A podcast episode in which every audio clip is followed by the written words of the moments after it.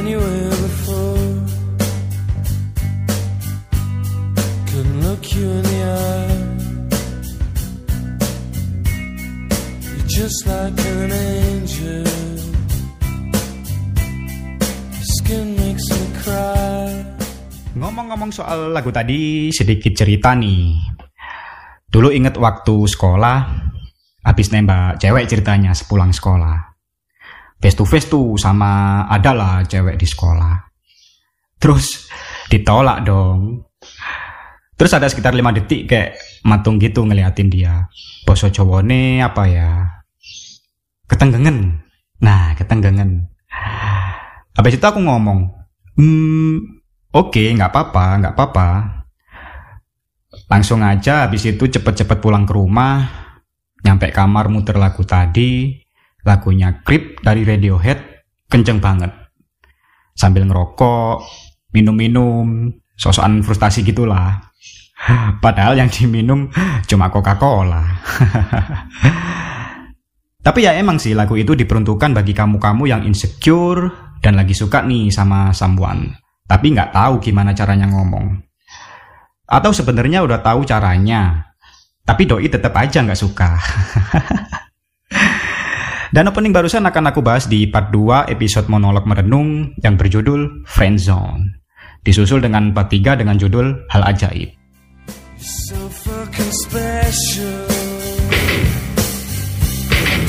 But I'm a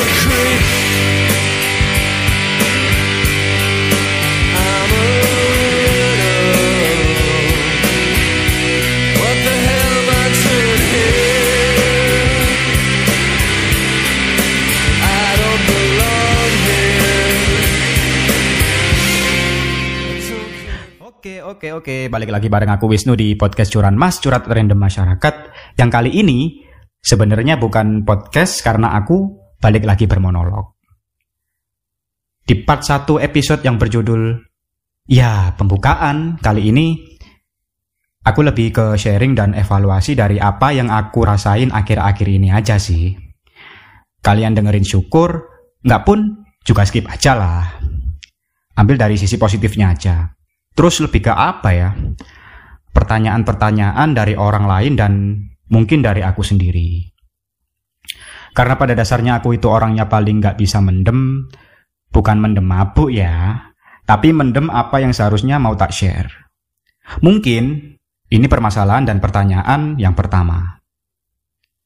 Bukan pemendam. Oke, menilai diri sendiri akan sangat sulit. Pengandaian aja, aku ada dua nih. Satu diriku sendiri, dan satu orang lain. Ada sebab, ada pula akibat.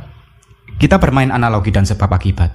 Ketika aku menilai dan tahu bahwa aku bukan pemendam, satu sisi aku bisa cepat lepas dari pemikiran lebih, dalam tanda kurung overthinking, yang diakibatkan dari suatu masalah karena ada objek nih, atau kalau dianalogikan lawan cerita.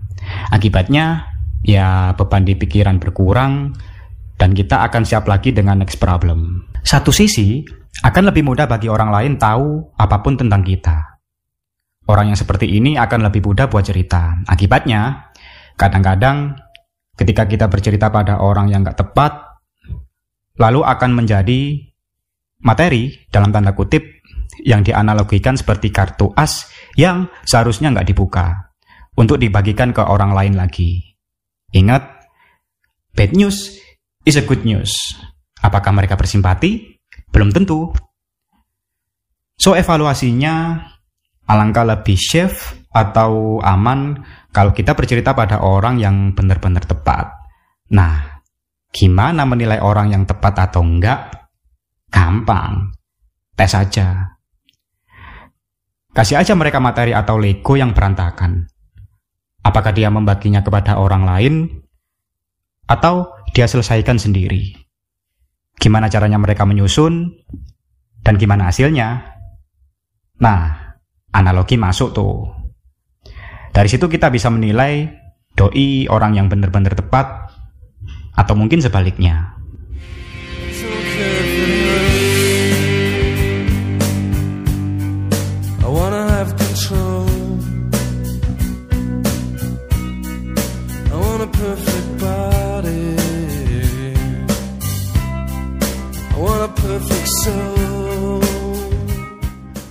Terus permasalahan yang kedua yang aku rasain adalah what if? Bagaimana jika? Dan itu yang lagi aku pelajari. Sering banget, ya opo yo, ya opo yo, gimana ya? Karena sebelumnya aku adalah orang dengan ekspektasi lebih dalam melakukan apa pun. Lalu, apa yang aku pelajari dari kejadian tersebut? Oke, pertama, gimana jika apa yang kita lakukan nggak sesuai dengan ekspektasi? Apa sebab dan akibatnya? Menurutku, ekspektasi terbentuk jika ada harapan. Nah, harapannya aku underline ya. Harapan akan sebuah hasil yang sebelumnya kita pikirkan atau lakukan. Ya, kadang hasilnya sesuai, dan kadang juga ya enggak. Kalau sesuai ya jelas seneng dong. Kalau enggak, ya kecewa lah. Nah, terus gimana Ferguson? Gini, menurutku atas apa yang aku pelajari, ekspektasi boleh-boleh aja kok. Yang bedain hanya formula dan cara nyikapinya. Menurutku, ya tetap berekspektasi aja lah. Karena kalau tanpa ekspektasi, hidup kakak seru cuy.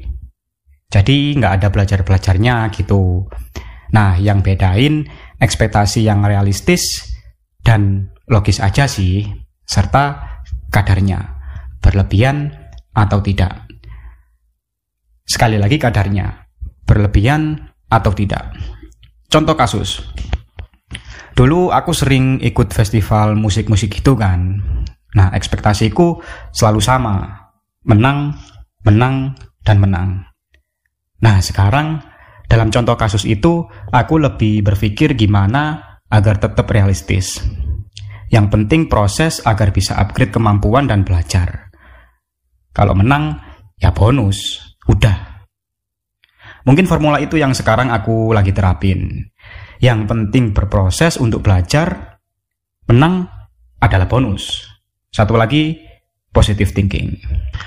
What if lagi nih cuy? Gimana kalau nggak ada ekspektasi? Oke, kita analogikan lagi dengan kasus tadi. Mungkin kalau aku nggak ada ekspektasi, ya secara otomatis nggak ada effort untuk berproses. Nah, terus pasti ada pernyataan gini. Ya, mending nggak ada ekspektasi lah. Nothing tulus. Nggak ada risiko untuk kecewa. Hmm, kalau boleh dijawab, menurutku kecewa adalah salah satu reason untuk lebih ada effort untuk belajar. Tergantung gimana kita ngadepin kecewanya. Gagal hari ini, belajar lagi untuk berhasil besok. Kalau aku ya.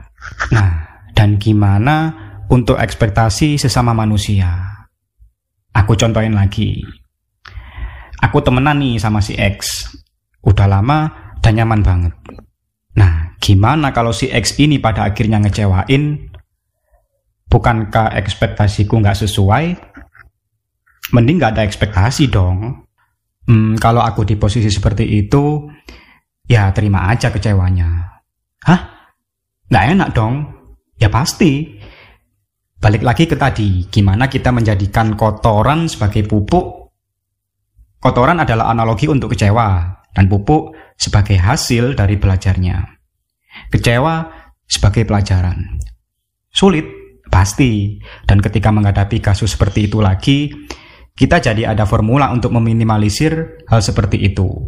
Kecewa untuk belajar. Menang adalah bonus. Makan capek yang banyak, pedes, sebab akibat. Nah, apakah pedes bagi sebagian orang tidak enak? Belum tentu. Banyak orang juga yang menganggapnya nikmat. Jangan berlebihan juga, karena itu nggak baik. Sekali lagi, ekspektasi boleh-boleh aja, tapi jangan berlebihan. Itu menurutku. Terus dari hasil evaluasi yang aku dapetin sebagai contoh permasalahan tadi, hmm, ekspektasi sah-sah aja kok. Asal nggak berlebihan dan realistis. Kalau nggak pengen ngerasain level kecewa yang keterlaluan, ya nggak usah berekspektasi. Hidup itu pilihan, semua sesuai selera dan kemampuan. Menurutku, orang yang kuat adalah hasil dari mereka mempelajari suatu masalah. Semakin banyak orang yang mau ngambil resiko, Semakin banyak pelajaran dan variasi dari cara belajarnya sih. Pun juga untuk upgrade to the next level. daripada orang yang jalan di tempat. Nggak ada salahnya kok. Semua orang punya cara sendiri-sendiri dalam menyikapi setiap problem. Itu cuma point of view-ku. Kira-kira konklusinya seperti itu. Terakhir, yang mungkin bisa aku bagi adalah aku yang sebenarnya ya waktu kalian ajak ngobrol. Kalau di medsos, menurutku it's a bullshit sih. Lebih ke mempermainkan persepsi orang. Jadi, aku tahu nih mana yang nilai aku hanya dari kehidupan medsos versus yang nilai aku secara personal di kehidupan nyata. Ah, lu mah makan enak terus, staycation, staycation, hidup hura-hura terus. Pokoknya something like that shit lah. Orang yang nggak ngerti mungkin tidak berpikir atau bahkan nggak peduli tanpa tahu gimana prosesnya untuk mendapatkan semua itu. Dan aku nggak perlu jelasin, karena sekali lagi memainkan persepsi. Biar orang lain yang menilai seperti apa gitu sih. Hmm, sebagai closing, kemarin aku sempat baca pernyataan menarik nih dari Elizabeth Scott. Sebelumnya, sorry ya Rek, kalau bahasa Inggrisku belepotan. Karena doi nulisnya bahasa Inggris cuy. Katanya gini, Our expectation can create significant stress when they don't match up to reality. Also, consider how social media can greatly contribute to this. We compare our own worst moment to others' best moments, which very often are filtered to seem perfect. We may not even realize this mismatch comparison. Yang kurang lebih artinya, banyak di antara kita yang menaruh harapan terlalu tinggi karena adanya dorongan dari sosial media. Padahal, untuk membandingkan secara apple to apple antara kita dan kehidupan orang lain adalah hal yang gak mungkin. Oleh sebab itu, ekspektasi yang diakibatkan oleh dalam tanda kutip kecemburuan sosial akibat apa yang kita lihat di sosial media bisa lebih diminimalisir. Oke deh, cukup segitu kali ya. Sekali lagi, just share kejadian yang aku alami akhir-akhir ini. Ambil positifnya aja, dan sekali lagi, semua itu berdasarkan point of view-ku. Oke, cukup segitu kali ya. Sekali lagi, jasar kejadian yang aku alami akhir-akhir ini. Ambil positifnya aja, dan sekali lagi, semua itu berdasarkan point of view-ku.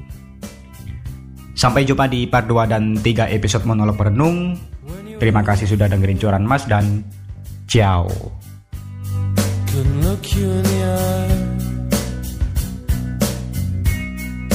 Just like an angel.